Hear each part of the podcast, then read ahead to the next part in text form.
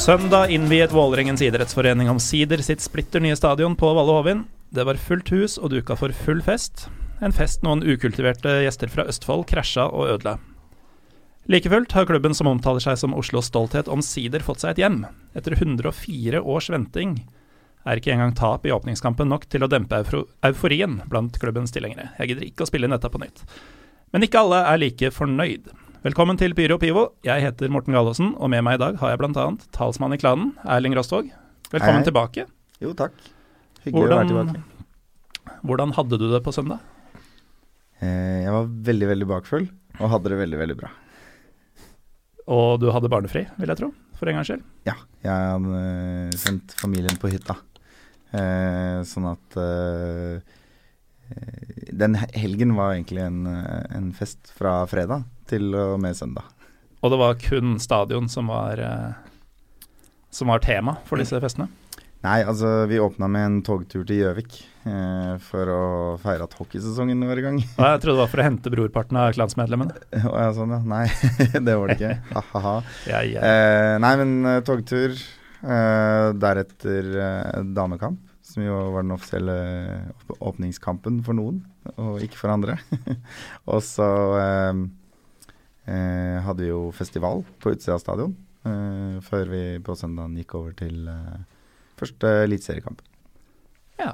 Og eh, vi har også med oss en annen eh, Det er vel ingen hemmelighet at du har Vålerengas sympatier, men eh, du er jo her i egenskap av å være programleder i den eminente podkasten Toppfotball. Oh, Martin. Roppestad. Hallo, hallo. Vi har vært i samme studio før, vi. Det har vi. Mm, Det var tider, Morten. ja.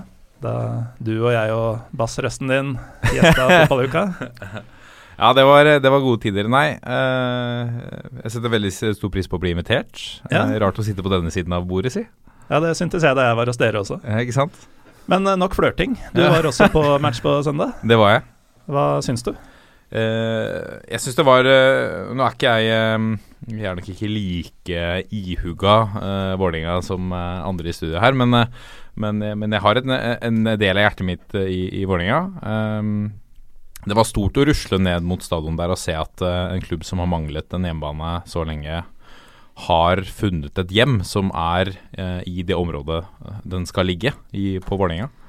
Eh, veldig god akustikk. Fantastisk. Altså, det var ingen tvil om at uh, klanen leverte. Uh, syns, også- syns også Sarpsborg sine supportere klarte å levere, til tross for den uh, eh, De har jo fått den verste plasseringen på stadion. Ja, har de det?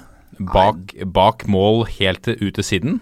De har jo sin sving, men de har ikke hele svingen. De har uh, ca. en tredjedel eller fjerdedel av svingen, da. Og det er øvre del, er det ikke? Nei, det er fra topp til bunn. Ja. Ja. Eh, men det betyr at de har omtrent de samme akustikkforholdene som eh, klanen har. Eh, bortsett fra at istedenfor de litt tynne plastveggene vi har crowdfunda på egen hånd, så, så har de en videregående skole eh, inntil seg.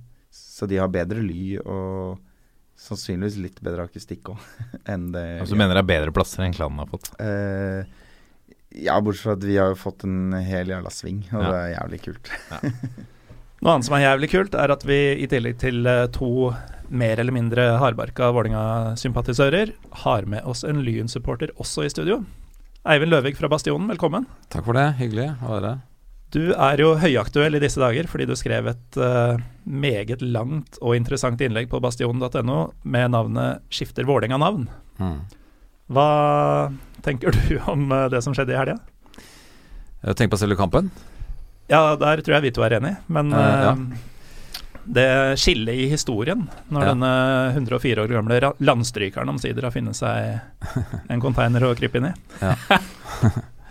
Nei, jeg tenker på selve stadion, syns jeg det Altså, det som er greia her, er at, at Vålerenga får et sted å spille. Det er ikke vi noe imot, egentlig. Altså, det skjønner jeg. Eh, Det er ikke det som er problemet for oss, egentlig. Det er greit nok. Men det er det at de kan sitte der og drive business. Altså få gaver og drive business med det. eh, Det er jo helt eh, Det syns vi er rimelig drøyt, da, for å si det forsiktig. Mm.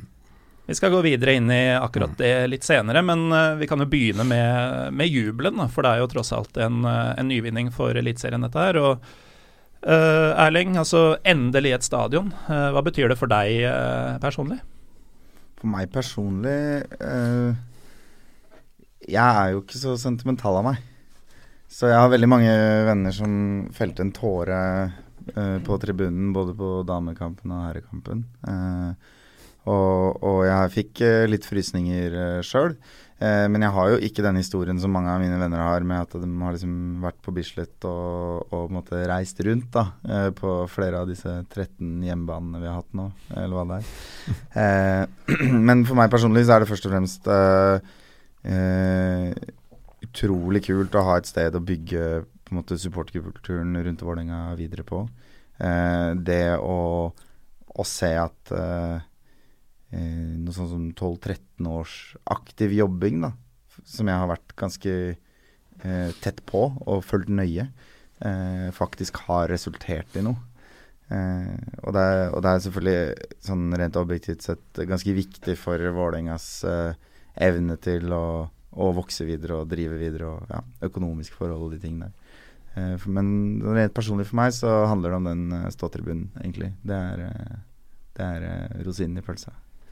Og uh, Martin får jeg vel kalle deg i dag. Jeg er veldig vant til å kalle deg Roppestad. Ja. Men vi er vel på fornavn akkurat nå. Det kan være det, ja. Eh, du uh, driver jo toppfotballpodkasten sammen med et par andre og mm. følger norsk fotball svært tett. Mm. Hva vil det bety for klubben uh, Vålerenga å, å nå ha sitt eget hjem? Jeg tror det, jeg tror det betyr veldig mye for Vålerenga. det så vi på det så vi på kampen. Så var ikke resultatet gikk ikke helt hjem. Heldigvis så fikk de en scoring. Så, så, i historiebøkene så ser det ikke like stygt ut som det kunne ha gjort. For det var en forferdelig fotballkamp. Fra deres side? Eh, fra Vålerengas side. En veldig god kamp fra Sarpsborg sin side. Mm. Um, uh, men jeg, det, det, var helt åpenbart for meg at man har kommet et langt sted uh, et langt steg da, for Vålerenga med tanke på den hjemmebanen. Og så har man et veldig veldig langt sted, steg å ta med det som er ute på banen der. Uh, med det sagt så tror jeg at, uh, at uh, Fotball-Norge er tjent med å ha en, en klubb som har en ok hjemmebane. At det er et miljø knytta til en, en, toppklubb i hovedstaden. som per nå ikke er en toppklubb, men at vi kommer dit, det tror jeg vil styrke ikke minst Vålerenga, selvfølgelig, men også klubbene rundt. Selv om uh, Lynmann i studio er uh, åpenbart uenig i det, så tror jeg at uh, alle klubbene i Oslo drar fordel av å ha en toppklubb med en god arena i hovedstaden. Det tror jeg. Eivind, kommer dere til å dra fordel av å ha en toppklubb, eller en toppserieklubb, med en god arena i hovedstaden? Det vet jeg ikke, men jeg tenker på de andre lagene som er rundt her. altså Sånn som f.eks. da Grorud, Skeid, Holmlia, som er gode på det som Vålerenga sier de er gode på. Så får ikke de noe glede av denne stadion her. Det er jo for Vålerenga, det er ikke for Oslo som sådan. Det er en, det en Vålerenga-stadion. Og det er i og for seg greit nok, men altså, det er ikke de, de, andre lagene som får mulighet til å bruke denne stadion. Hvis ikke det må betales igjen, og de har jo ikke råd til det. Vil jeg tro, da. Hva legger du i det, Martin, når du sier at uh, Oslo-fotballen uh, vil uh, gagnes? Jeg tror at for Vi kan nå trekke dette enda lenger som til vestkant mot østkant. da. Jeg tror at med å få en, en, satsing på fotballen på østkanten på den måten som man har gjort nå med denne stadion, så kan man alltid trekke inn uh, Mulig nesten hatt Frode Ali her òg, hvis man først skal begynne med østkant-vestkant-diskusjonen. Men uh, i mange år så har det vært sånn Jeg jobbet i Gryner uh, fotball. Da vi hadde I Grünerløkka bydel så bor det 40 000 mennesker. De hadde én uh, kunstgressbane. I Frogner bydel så hadde de elleve.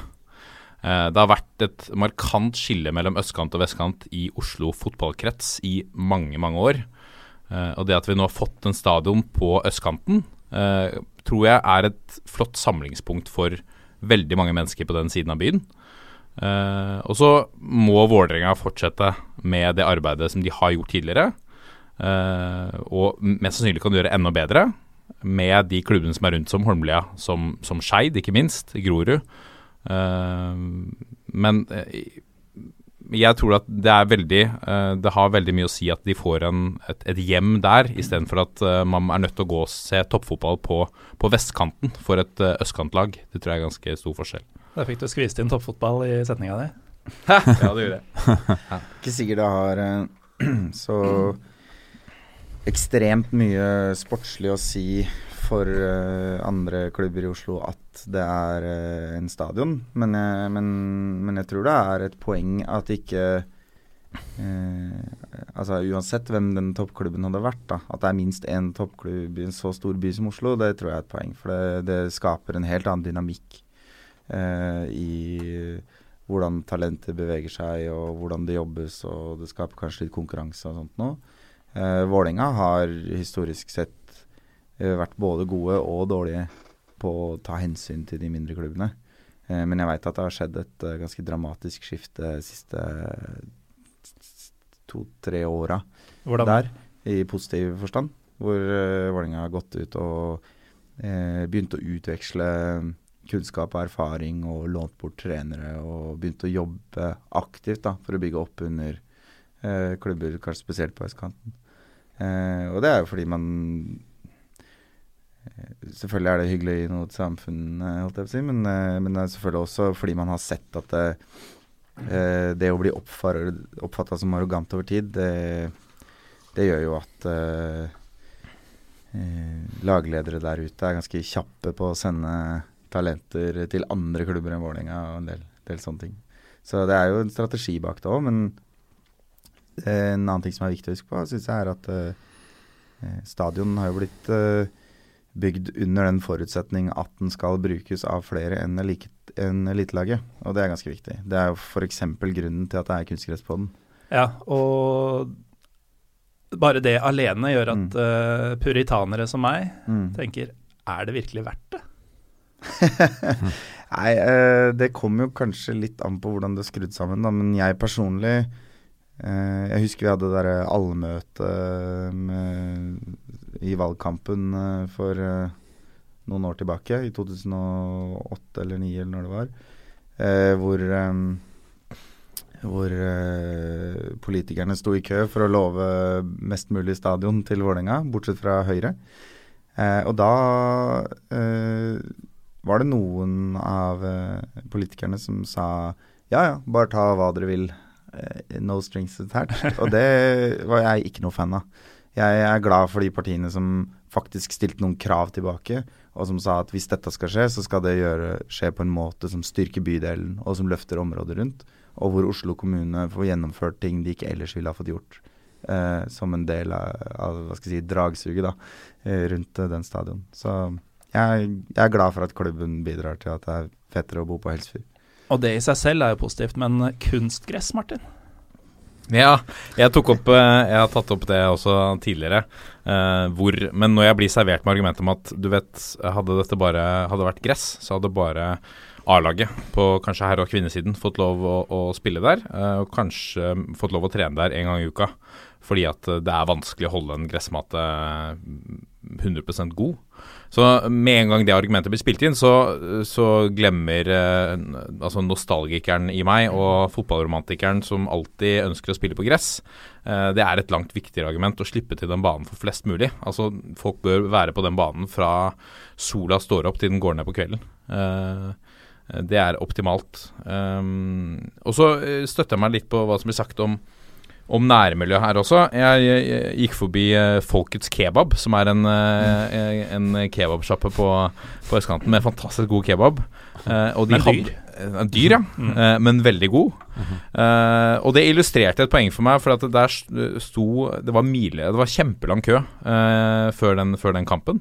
og, og det Én ting er Folkets Kebab alene, men, men hva det kan gjøre med de lokale Eh, hva skal vi si, sneipene og, og, sjappene på, på, østkanten her. De gir et liv, og du skaper et liv. Du trekker folk til en del av byen som kanskje mest var aktuell for de som bodde der tidligere. Uh, og holder de gående. Og det er en, en fin bieffekt da, mot å spille et sted som har nærmeste Altså, nå har vi motorvei på den nærmeste side her også, men som ligger enda mer avsidesliggende til. da. Mm. Men samtidig så er det jo snakk om eh, si to søndager i måneden, stort sett, hvor eh, forretningene vil gå ta seg kan være nok det. kan være nok det. kan være det. Eh, sk Scandic på Helsfyr satte omsetningsrekord i helga, bare så det er sagt. men det burde de jo gjøre også. ja. Ja. Men uh, dette, med å, dette, med å, gi litt tilbake uh, går jo litt uh, hånd i hånd med det som du er her for, Eivind. Fordi mm. Det er jo ingen tvil om at Vålinga bør gi litt tilbake, for de har jo også fått en del. Det er jo eh, dette innlegget ditt på bastion.no som eh, tar utgangspunkt i en Aftenposten-artikkel som Anders Slettholm har skrevet, Mm. eh, hvor han stiller spørsmålet om det er greit at en stor aktør innen en bransje får økonomiske særfordeler bare fordi aktøren er populær blant de folkevalgte. Mm. Og her har det jo vært mye debatt i mange år før, før det i det hele tatt lå en plantegning. Mm. Eh, hva er eh, innvendingene mot eh, Altså Nå har vi hørt veldig mye fordeler for Eller potensielle fordeler for eh, østkanten generelt og andre klubber og unge fotballspillere, og det kommer en skole. Eh, hva er problemene? Problemet at de får stadion? Ja. Nei, altså Problemet med stadion for politikere, fra politikernes del er jo det at uh, de fikk denne stadion altså Det ble, gikk jo gjennom i 2000 og, og eh, Ni. ni, ja, ja, det var egentlig 2006 som var vel eh, det gikk gjennom i bystyret, at de skulle få stadion. Uh, var det ikke det? Jeg tror det. Ja, eller vedtaket om, Ja, om vet- reguleringene som kom i 2009. tror jeg. Eh, altså, to, uh, unnskyld, i 2008 så fikk de stadion. Og Lyn gikk konk i 2010. Så da, altså Lyn var et eliteserielag da de fikk den, den tomten. Og da var det jo en annen klubb som var der også. Eh, og da når én får, en, altså får en stadion til én krone og kan bruke den og drive business der eh, etter hvert, da. Det var det vi syntes var uh, merkelig. Og at politikerne kunne gå inn på det. um, det syns vi var uh, veldig, veldig rart. Um, så, så det var liksom hovedgrunnen. Um, jeg tenkte sånn Hvis du har sammenlignet eksempel med i Stockholm, som jeg bodde også i uh, Hvis du hadde liksom gitt noe sånt noe til f.eks. Hammarby, da, eller som kanskje kan sammenlignes litt med, med Vålerenga, eh, og liksom ikke gjort noe med de andre klubbene, så ville det vært helt hårreisende. Og Skeid også, som lå da i Adecco-ligaen, de var også i divisjonen under. Eh, det er jo De har jo ikke fått noen ting. Har hatt forferdelig dårlige stunder og elendige baneforhold. Så, så det virker jo litt snålt at eh, politikere da, som backer dette opp fra i dette tilfellet Ap og også Frp, um, fikk de da gjennom. Og eh, vi syns jo det er ganske hårreisende, med mindre selvfølgelig andre klubber skulle få noe tilsvarende når de kommer med, sine forslag. Det, det er jo det som er eh, det vi syns er gærent her, da. Du peker også i teksten din på den noe sketchy linken eh, mellom byråd og Vålerenga. Det er helt sikkert. Mm. Eh, godeste Raymond.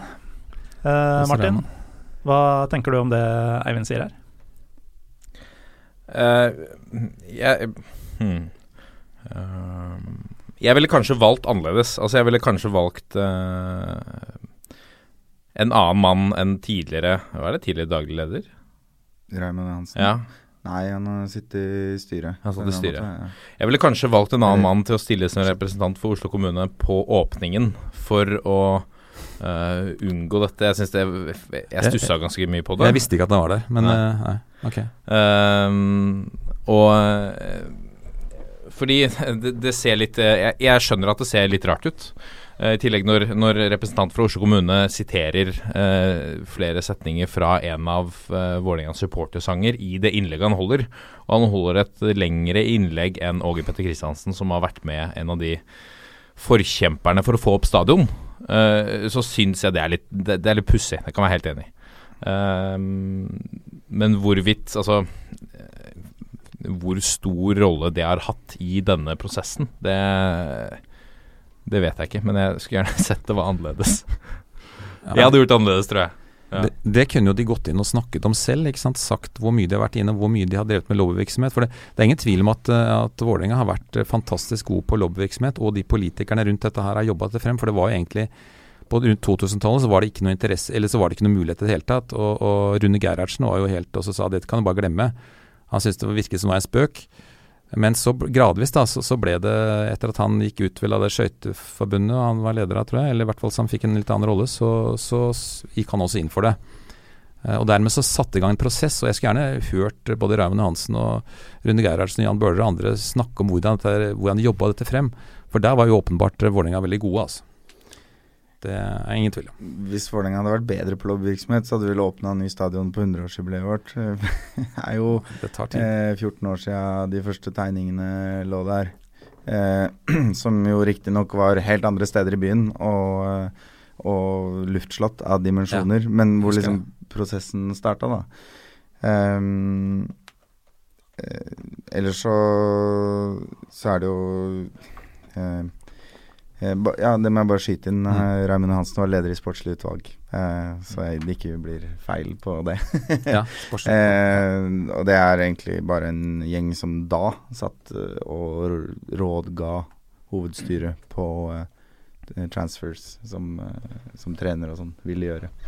Eh, men eh, Ja, han, han eh, var jo ganske godt med i Vålerenga. Han, han, eh, altså han var jo inne og Jeg så en artikkel hvor han hadde vært inne og gitt eh, han, eh, Martin Andresen en vanvittig lønn, eh, sånn etterlønn og sånt noe. Så han var jo inne og styrte der. Ja, det, det kan godt hende. Ja. Det var ikke ment som en Nei, nei, nei, nei, underskyting av hans kobling til Vålerenga. nei, nei. nei. Eh, nei, det, nå, nå glemte jeg kjapt litt hva du skulle si. nei, hva du nettopp sa, men eh, det, det som jeg syns er litt viktig å rette på her, som du sa opprinnelig, er at man har fått en stadion. Og det har man jo ikke. Man har fått en tomt å bygge stadion på. Mm. Eh, og man har eh, Og det opprinnelige vedtaket var omtrent som å gi Vålerenga en stadion. For det opprinnelige vedtaket var jo at man skulle regulere området slik at man kunne sitte igjen med en gjeldfri stadion etter å ha solgt tomtene. Eh, og en av grunnene til at det ikke skjedde, er jo bl.a. at det tok så lang tid.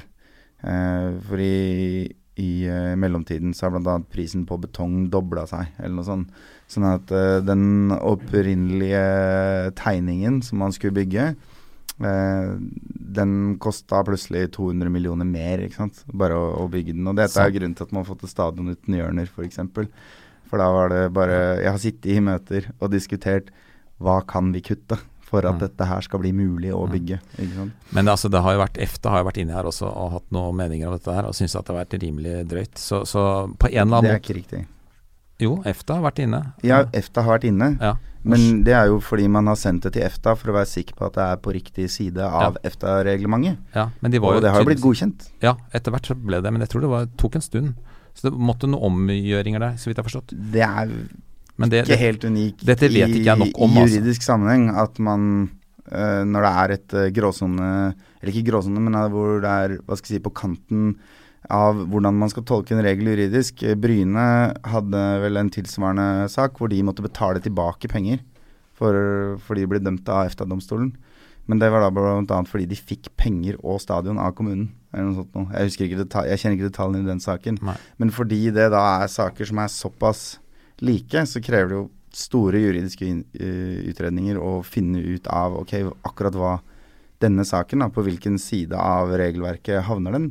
Og det er jo noe man da, bl.a. pga. erfaringer i, fra Bryne og muligens også fra Stabæk, eh, så at dette er en utredning vi er nødt til å gjøre for å være sikker på at dette ikke er ulovlig.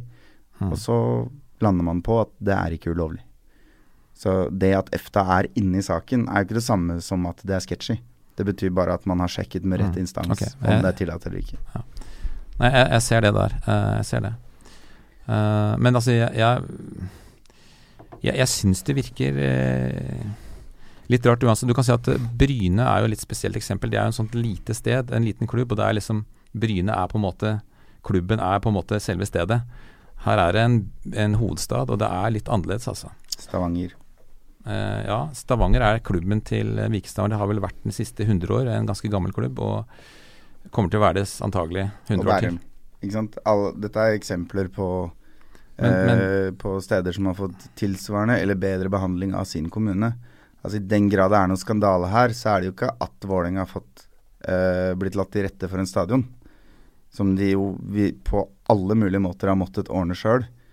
Eh, det som eventuelt er skandalen, er jo at ikke det har vært likebehandling. Og så Ja. kan man spørre seg Det er- er, det manglende likebehandling fordi de andre lagene rett og slett ikke har kommet med tilsvarende søknad, tilsvarende vedvarende jobbing over Mm. ti år. Ville de fått det hvis de hadde gjort det? Det er mulig. Uh, vi får se. Altså, men vi, altså både Jeg får ta liksom litt ansvar for både Skeid og for Frigg og for Lyn. For vi, Mm. vi har følt oss altså helt overkjørt med på baner og sånne ting. Det har vært så dårlig at det er helt skremmende. Um, og det virker liksom som at uh, fra vår skytspunkt at det, liksom det, det blir plassert hos dere.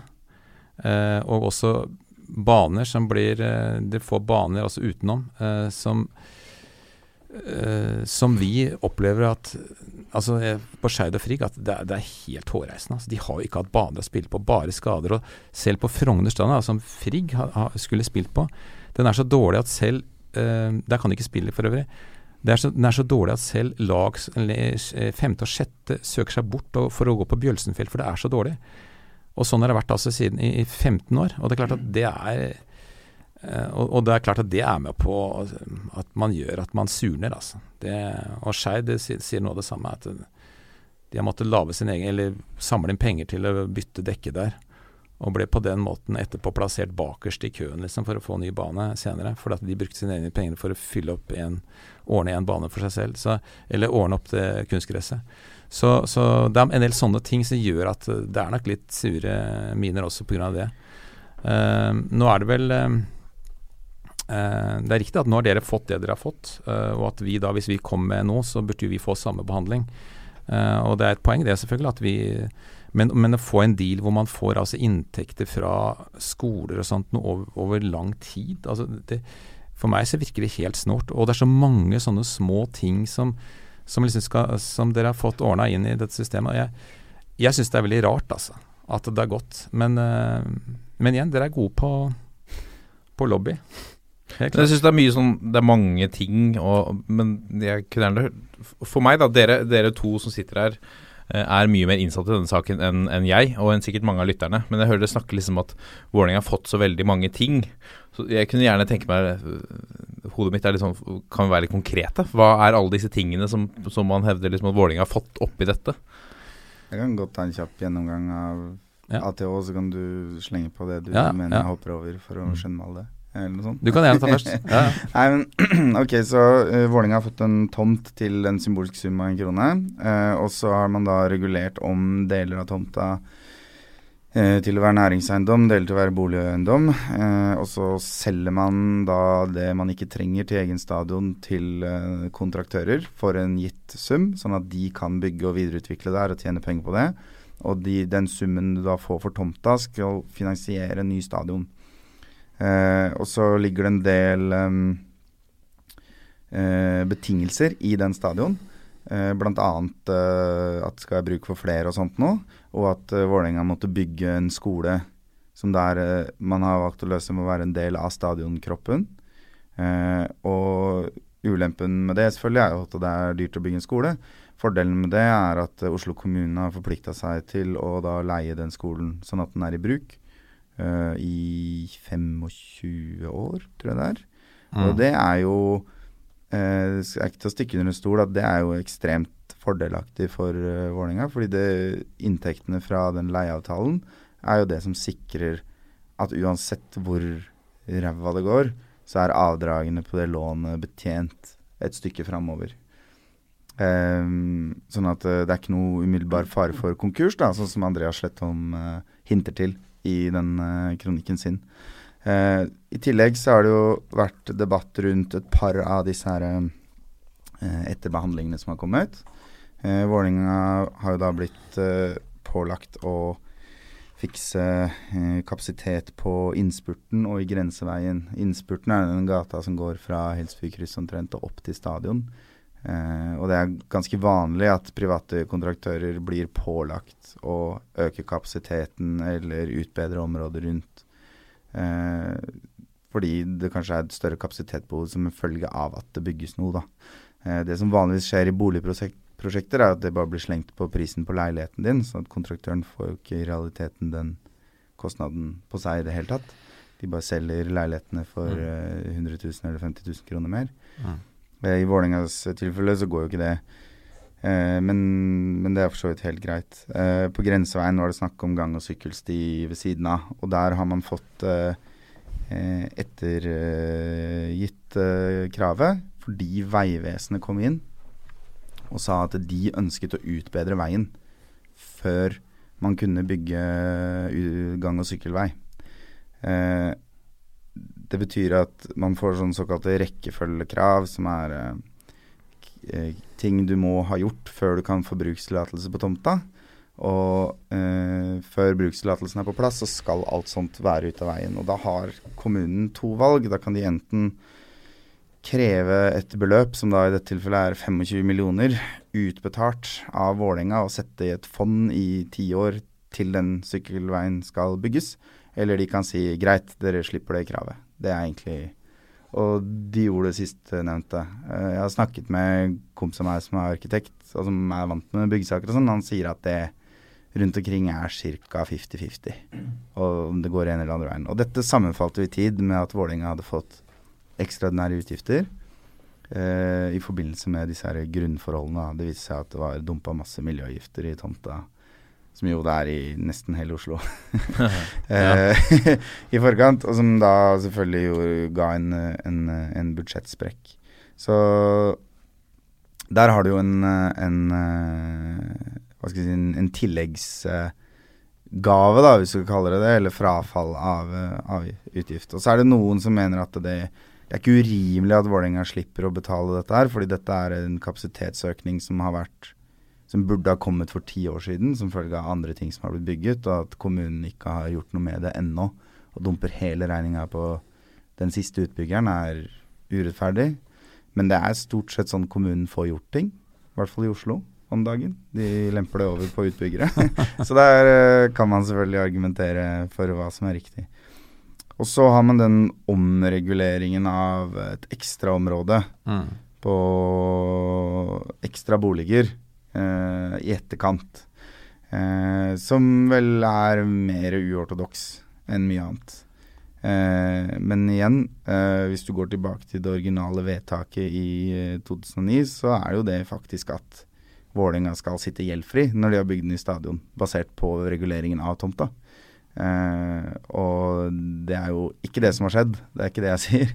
Vi har jo, det er vel 400 millioner kroner i gjeld på den eh, stadion, som mm. skal betjenes helt greit. Men, Vi snakker da om gjeld uh, i forbindelse med stadionbygginga, ikke ja. totalgjeld?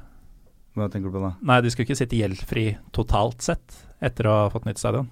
Nei, bare... stadion skulle være gjeldfri. Mm. Altså, det, er jo, det, er, det, er kanskje greit å påpeke at det er noe som heter Vålinga kulturidrettspark, som er en stiftelse som eier stadion. Så det er jo fullstendig fjerna fra det sportslige budsjettet. Hvis uh, Vålerenga går konkurs, så er de bare en leiertaker som slutter å betale leie til stadionprosjektet. Og da kan Lyn flytte inn, i så fall. Eh, da kan da hvem kan, som helst som er villig til å betale, flytte inn. Det, det stemmer. For en fantastisk ironi det ville vært. det det ville det tror jeg dere kan glemme. Det ja, er ikke noe altså, tema. Ja, dere får se, da. Dere får bare begynne å bygge Leia på Bislett er ikke så billig, den heller? Nei, nei, det er dyrt nok, altså. Og i hele tatt leie, Men altså bare at det skal være sånn at den er gjeldfri. Altså Det er lagt inn det at skal en, dere skal få en stadion som etter hvert blir gjeldfri, og etter hvert da kan begynne Må jo regne med å kunne tjene penger på dette her, og, og det virker veldig rart, altså. Um, det vel, skjer vel ikke i noen andre steder i verden, tror jeg. Jeg kan uh, gjerne komme med eksempel på hvor det har skjedd. I Stavanger så fikk de jo stadion, jo. så da er den jo gjeldfri fra dag én. De sliter veldig der borte, da. Ja, men, men det er ikke pga. stadion. Real Madrid Eller, da er det pga. dårlig økonomisk ja. styring. Da. Real Madrid solgte vel treningsanlegget til kommunen. Uh, for noen milliarder. For noen milliarder, Og leide det tilbake for en hundrelapp. Ja. De solgte vel for nøyaktig så mye gjeld de hadde, hvis ja. jeg ikke tar helt feil. jeg, jeg, tror vi skal være forsikret Vi å si ingen andre steder i verden, for det er mye korrupte regimer der ute. men, eh, men det, er, det, er, er det, er, det er i hvert fall unikt i Oslo-sammenheng. Det er det. Og det er jo det som er, egentlig er relevant. ikke sant? For det er masse kommuner rundt omkring i landet som har gitt de lokale lagene sine veldig, mm. veldig mye. Spørsmålet er uh, hvorfor skjer det med én klubb i Oslo, og ikke de andre? Ja. Det er akkurat det. Uh, men som sagt, Stockholm hadde vært helt uaktuelt. For der har jeg bodd en del år, og det er helt uh, Det har vært krig, altså. Det kan jeg love deg. Totalt krig. Svenske tilstander. Svenske tilstander, Ja, det har vært mer enn det du ser nå der borte, det kan jeg love dere. altså. Men der er det jo rimelig ville, altså. altså. Det, I hvert fall når jeg bodde her på 90-tallet. Jeg, er jo fullstendig enig i at uh, det er skandale at ikke Voldsluka er pussa opp, f.eks. Altså Skeid sånn sett, eh, for å tale Skeids sak, altså herregud, de har virkelig fått kjørt seg. Altså. De har vært planer i bøtter og spann, og nå er den ødelagt. Nå er det blitt, til syvende og sist er det blitt en landhockeybane der nå. Men har Skeid på noe som helst tidspunkt uh, bedt om omregulering av en mer eller mindre øde eller ubrukt tomt, uh, og tilbudt seg å bygge noe på den? Uh, jeg kjenner jo ikke Skeid så godt. Nei, uh, men altså, og, det, det er det som er poenget. Fordi, og, det, og, det, og det, skal jeg, det skal jeg virkelig si. Det skal dere ha. Altså. Dere har vært ordentlig bra på det. Men det er klart at det hjelper jo godt å ha politikere med på i bukselomma. Uten tvil. Uh, så, så, så, men altså, jeg, jeg kan ikke det med Skeid så godt. Jeg bare ser hvordan det er der, og hvor dårlig det er. Og, jeg må, og også på Frigg. Altså. Det er liksom helt Det er så tragisk. Og det greia her også er jo det at eh, Frigg har vel omtrent like mange lag, altså ungdomslag, som, som Vålerenga. Skeid har litt flere, så vidt jeg vet. Eh, og Lyn har jo 50% mer lag i ung, av ungdomslag enn av barne- og ungdomslag enn uh, Vålerenga. Så det er i hvert fall har jeg fått opplyst, så er det inkludert ski, eller? Nei, det er det ikke. Men uh, vi, vi må litt tilbake til uh, feel good-aspektet her. Fordi uh, kontroversene rundt eh, dette blir vi ikke ferdig med på 45 minutter. Men Erling, nå har du fått snakka mye, og du skal få snakke litt til. Fordi Hva syns du om eh, dette? Dere var innom akustikk, og den har dere vel måttet redde litt på egen hånd. Men eh, altså, utforming på stadion, akustikk, eh, beliggenhet. eh, hva er dommen etter eh, ja, vi får vel si to kamper? To kamper, ja. Eh, Beliggenheten er jo tipp topp. Eh, Det er mulig å komme seg dit med T-bane, som vel i Oslo må anses å være det viktigste for å frakte mye folk til og fra. Eh, Vi har jo fått vår egen pub i stadionkroppen, som eies av klanen. Og Vålerenga-sjappa drives i stadionkroppen. Akkurat det med puben Har fått den, eller? Nei, vi har jo Vi har en uh, ganske gunstig leieavtale uh, som er omsetningsbasert. sånn at uh, Gratulerer. Takk. klanen eier 49% av aksjene i den puben. Og så har vi med oss en, en samarbeidspartner som også er med og driver Bohemen og, og Vålerenga vertshus, som, som tar litt risiko. Men vi har en husleie der som er omsetningsbasert, som sagt, så den, eh, den er rimelig safe. Men vi er jo da en av de mange leietakerne i, i stadionkroppen. Eh, akustikken Altså, det er en ståtribune. Den er vel en av Nord-Europas største ståtribuner, hvis jeg ikke tar helt feil.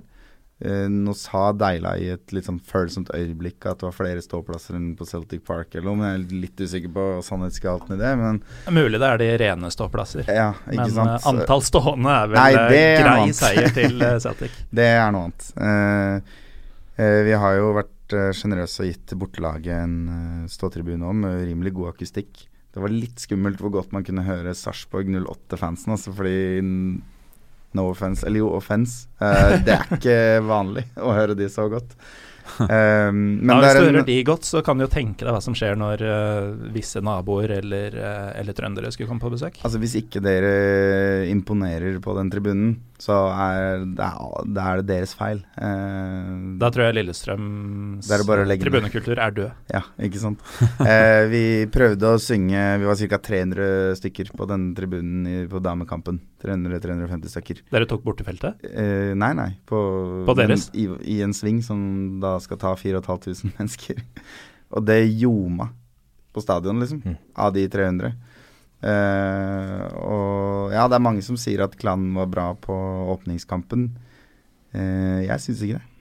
Mm. Eh, men det er fordi det var tettpakka. Det var m mye turister. Det var eh, mye bakfyll. det var uh, rett og slett uh, tungt å starte å organisere seg, og, men allikevel, da, så ble folk som ikke er på kamp, ble liksom blåst ut av setene sine. Så det sier jo alt om, om den tribunens potensial. Nå har jo dere i stor grad brukt eh, sesongen fram til denne kampen på å øve dere på å stå samla i samme svingen. Ja. Åssen var Altså, du er ikke helt fornøyd med stemninga, men Ja, men det var ikke noe tensions eller noe sånt noe. Eh, det vi snakker om her, er at eh, eh, jeg f.eks., som har en del forpliktelser i forbindelse med kamp, eh, og særlig en åpning, da er det litt sånn TV og sånn som skal snakke. Og åpningsseremonier og dill og dall. Jeg kom litt seint inn på tribunen, og da var det rett og slett så tett der at jeg ikke fikk stått der jeg hadde tenkt å stå. Og det var ikke plass til å f.eks.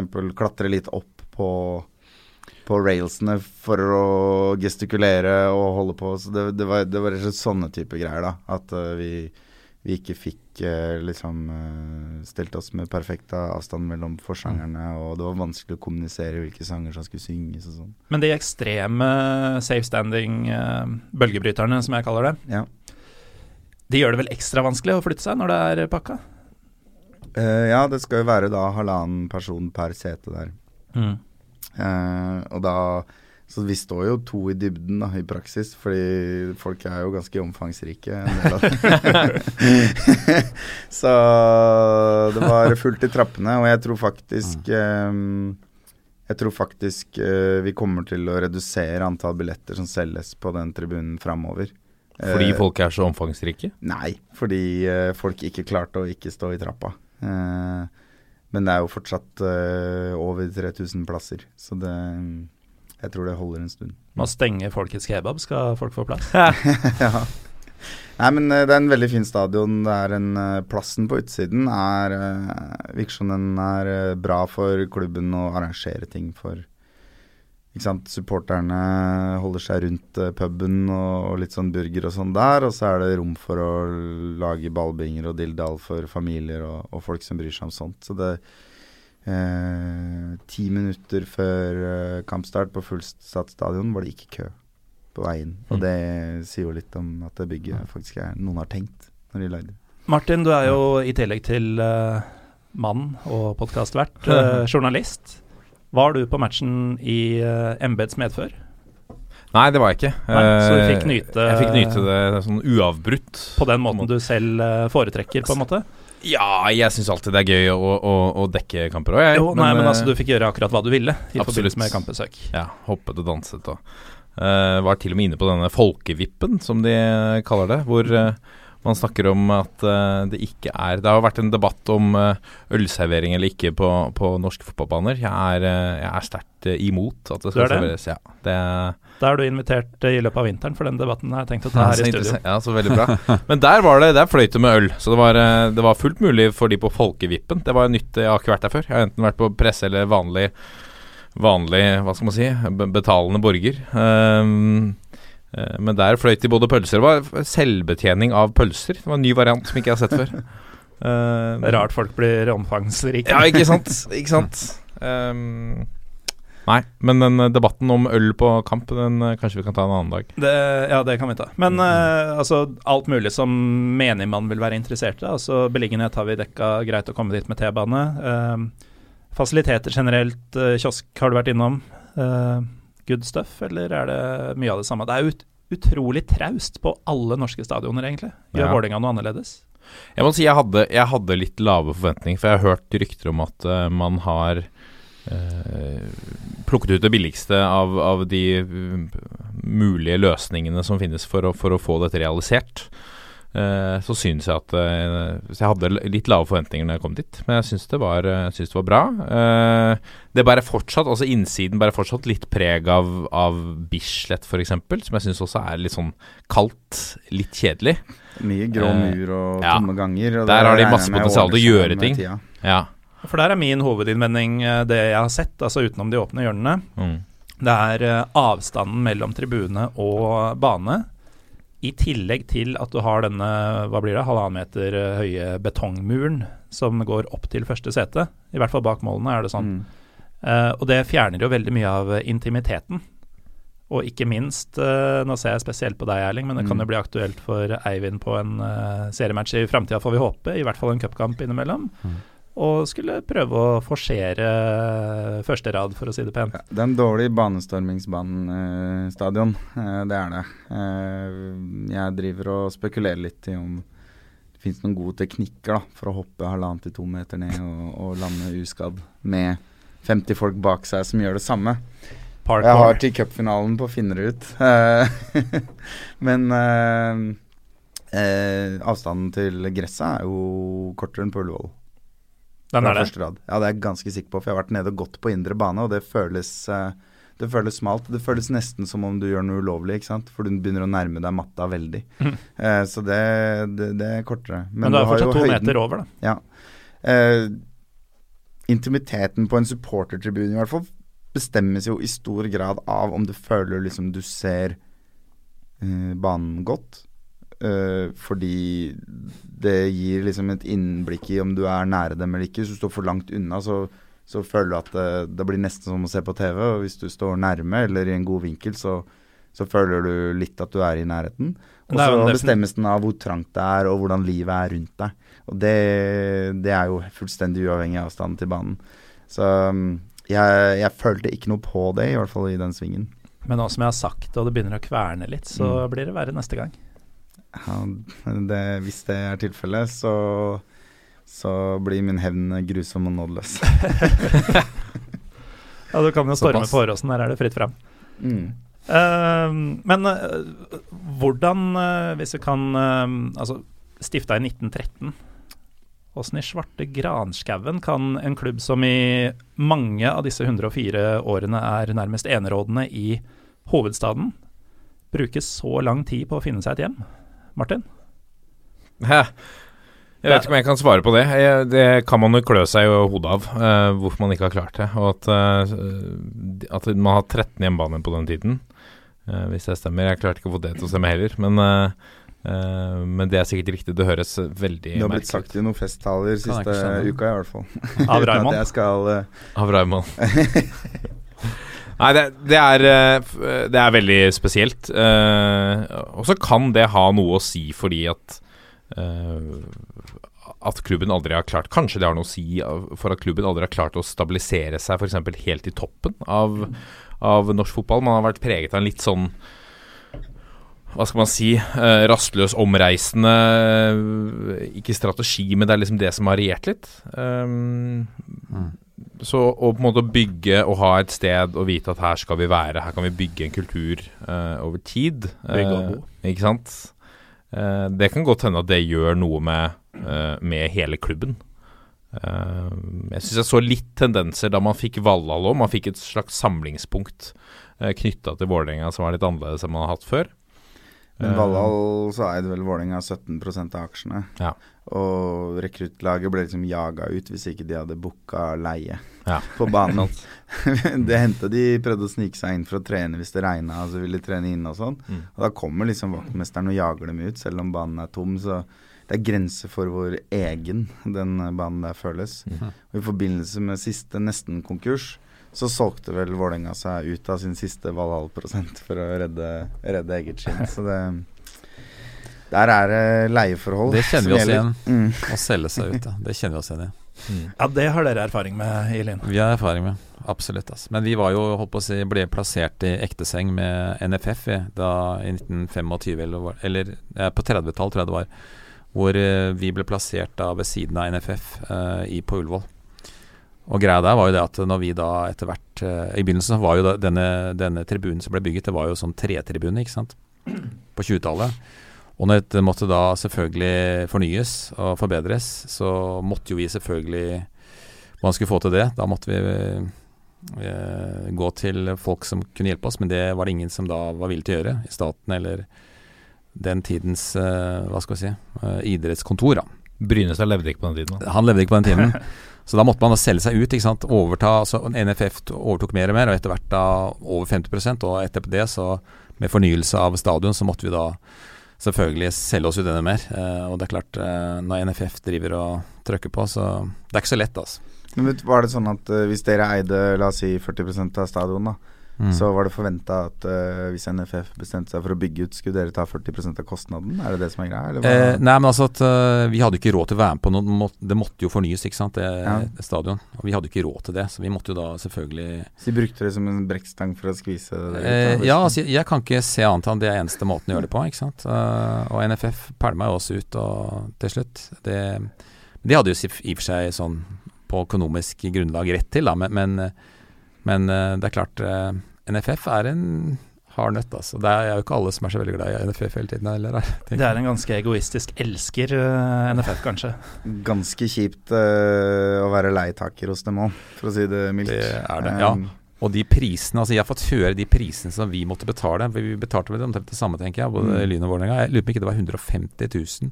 Og det var før, tror jeg Dette vet jeg ikke helt sikkert, men, men rundt der, pluss den der svære skjermen som vi måtte betale for noe vanvittig summer for oss. Det er omtrent det vi betaler eh, for hver gang vi spiller på Ullevål, men det er mer pyro-relaterte penger. Pål Breen okay. forhandla i sin tid fram en ny avtale med Ullevål stadion med Bislett som eh, brekkstang. Altså muligheten for å flytte dit, da. Mm. Eh, og da Da tror jeg man snakka om noe sånt som 300 000 hver match i kostnader.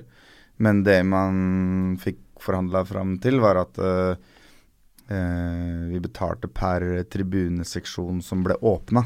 Sånn at de kampene som var dårlig besøkt, så kunne man velge å ikke selge billetter på øvre, og, og dermed få ned leia. Men nei, uansett så har det alltid vært blodpris på Ullevål. Det virker jo sånn, ja. Når det er sagt, så tror jeg faktisk kostnaden ved å drive en stadion gjennom kampdag er omtrent som man, det man betalte i leie på Ullevål.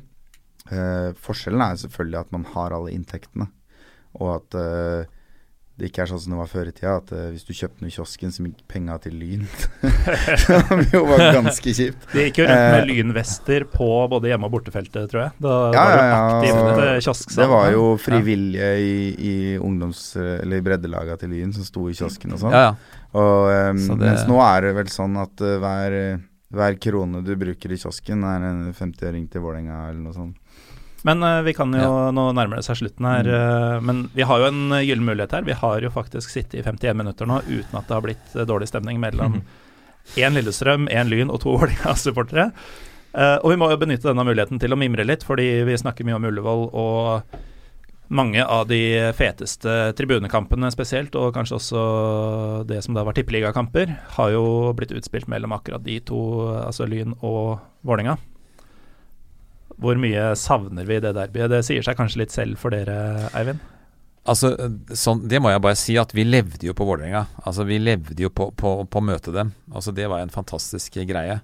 Og på det hatet som var der, det, det var veldig bra. Altså, det, og da tenker jeg ikke på sånn bankeropp-opplegg, for det, det var jo noen episoder med det også. Men, men eh, det å ha det som bakgrunn Og sånn sett er jo Lyn heldig som har en sånn motstander som vi mener har fått såpass mye. Så, så vi, vi er jo glad for det. Det, det, det skal dere virkelig ha. Um, så, men det er klart, tilbake til de der eh, bydermen. Jeg må si at eh, det var eh, til tider elektrisk, og det var jo sånn at det sto, det liksom, det sto om det i alle aviser på forhånd. Jeg tror mange Vålerenga-folk og Lynfolk hadde vært ute på forhånd og som lagd stemning og, og sånt noe, eller, snakket om på forhånd hva som kom til å skje, og det var liksom Ble hypa på helt riktig måte. det ble hypa på riktig måte, følte jeg. eh, og liksom, så det var en stor opplevelse, altså, faktisk, eh, for oss. Og eh, liksom 20 000 og sånt noe på tribunene, det er jo fantastisk, altså.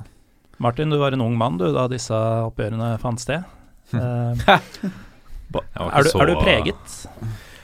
Nei, det er klart jeg eh, savner de oppgjørene. Og så syns jeg at eh, Så får man sikkert mange Vålerenga-supportere mot seg med at eh, den seieren man tok i det siste oppgjøret i serien, det var uh, Syns det, nest, det var nesten litt trist. Ja. vemod over det hele. Eh, jeg skulle nesten ønske at den seieren ikke kom, fordi at eh, da spilte man imot et eh, lag som lå med En klubb som lå med så brukket rygg som Lyn var. At å slå seg på kassa over at man brutt statistikken mot et, et lynlag som var i den forfatningen det var da, det syns jeg var litt synd. For at i de gangene jeg har brukt det som et argument, så får jeg alltid stengt tilbake at nei, du vet, vi var på, vi var på nødhjelpsstadiet. Så, så da ga man for evig en lynsupporter det argumentet at er Nei, du vet, vi, da vi tapte Vi klarte å holde stand så lenge, men da vi tapte, så var vi nesten konk. Er nei, men, men, det, men det er interessant. Vi møtte jo Lyn tidligere samme året. Ja. Uh, det husker jeg veldig godt, for det var på bursdagen min. Ja. Og da tenkte jeg nå Nå tar vi dem, og for en helvetes bursdag jeg skal feire, liksom. Og så, og så ble det 4-4. Ja. en sånn der absurd, eh, Fantastisk, ja, idiotisk stor utligning. Ikke sant? Og sikkert et fyrverkeri av en fotballkamp for de som bryr seg om det. Men jeg har aldri vært så skuffa i hele mitt liv. Men da var det motstand i den klubben. Ikke sant? Det hadde vært noe ære i å slå dem, og da møtte dem um, eh, 20.09.2009. Så Har du det tatovert inn noe sted, eller? Nei, men jeg har T-skjorte hvor det står. eh, og så er det lett å huske, for det er 2009-2009. Eh, da da var det ikke noe ære igjen i å slå den klubben. Fordi det var, det var stor forskjell sportslig sett, sett òg, bare på et halvt år der. Eh, en ting er jo å banke Altså Hvis vi slår Viking nå, liksom, så er ikke det flaut eller liksom lite ære i det bare fordi de økonomiske er på trynet. Men det var jo ikke noe sportslig heller. Nei, Helt på slutten her. Det var, det var, det var så bånn i bøtta. Eh, og jeg var veldig glad der og da, og sånn, men jeg er jo litt enig med, med Ropstad her at det hadde vært eh, mye, mye fetere å, å banke dem på bursdagen min et halvt år. Det skjønner jeg. Det har jeg full forståelse for. Spesielt på bursdagen. Det er klart, det. Mm. Noen av disse spøkelsestifoene faktisk begge veier. Mm. Eh, tenker jo selvfølgelig hovedsakelig på flere som Lyn hadde, men også den eh, Vålerenga hadde hvor spøkelset forsvant. Gjorde vel ikke det i den tegnet. kampen, tror jeg? Den er det jeg som tegna. Men det var ikke den kampen. Nei, Nei. det var det ikke. Men det er jo det. inspirert av disse her um, Hvis noen har lest Mad-bladene, så hadde de sånne såkalte fold-ins. Mm. Hvor du hadde et litt sånn ordentlig avansert motiv, og så bretta du sammen, og så ble det litt forenkla motiv. Mm. Og så prøvde vi å lage det motsatte, hvor du hadde et eh, spøkelse som du bretta fra hverandre, og så ble det bilde av Vålerenga kjerke, og så ble spøkelsene bare en del av skyene rundt eh, sola. Og så sto det 'når sola skinner over enga', eller et eller annet sånt. Og det, det er jo en av de tifoene jeg er mest stolt av, men um, Ja, herregud, jeg for et strev det var å lage den greia der. altså. Det skal selv jeg gi dere. Det, både dere i Vålerenga og dere i Lyn. Det er nok En del av de matchene der er nok de beste tifoene vi har hatt på det norske jord. Sånn jeg, jeg ser det. Vanvittig arbeid. Ja, altså jeg må si Det ene, altså det ene som jeg syns var helt outstanding, det var det der eh, siste måltidet som de hadde, eh, med Jesus og Og eh, Henning Berg var vel Jesus, og så var det Jan Erik Sørensen var Judas. Ja, ja, ja. Og, over hele der. Altså De hadde brukt tre måneder på det, og så bygge hele den pakka jeg, jeg fatter ikke at det går an ennå. Jeg, jeg bare få tak i de folkene og bare gi dem en stor uh, klem. Altså. Det er bare helt utrolig. Men det var skikkelig kult, fordi uh, uten å Med fare for å høres arrogant ut, så i hvert fall i liksom årene 2003-2004 og sånn, så var klanen litt aleine om å virkelig være megalomane på TIFO-fronten. Eh, men så visste vi at Lyn de lagde én eller to TIFO-er i året. Mm. og vi kunne ikke bli overgått av den, og det var en reell mulighet for at det kunne skje. Og det, eh, det gjorde oss bedre, altså. Det var jo eh, Alle som er fan av sånn markedsteori og sånn, eh, at konkurranse øker kvaliteten, det, det er virkelig et eh, prime eksempel på akkurat, akkurat det. Og dere har vært kjempegode på TIFO selv, da. Så det er klart at dere har jo Hør så vakkert dette er. ja. Mm. Jo, men det er, det er, det er, det, er ikke ingen tvil om det, altså. Uh, eh, vi følte jo at vi matcha dere godt på den tiden, og det, det er klart det var kjempegøy. Men, uh, men enig i det. det. er Når flere er gode, så, eller når man ønsker å bli bedre enn andre, så er det klart at da, da trår man til. Jeg har uh, synget Henning Bergs lovsang da han uh, redda, oss, redda plassen for oss i sin første kamp som LSK-trener. Slo Rosenborg 4-2 og holdt oss oppe, mirakuløst nok. Men Henning Berg som Jesus, den er søkt, altså.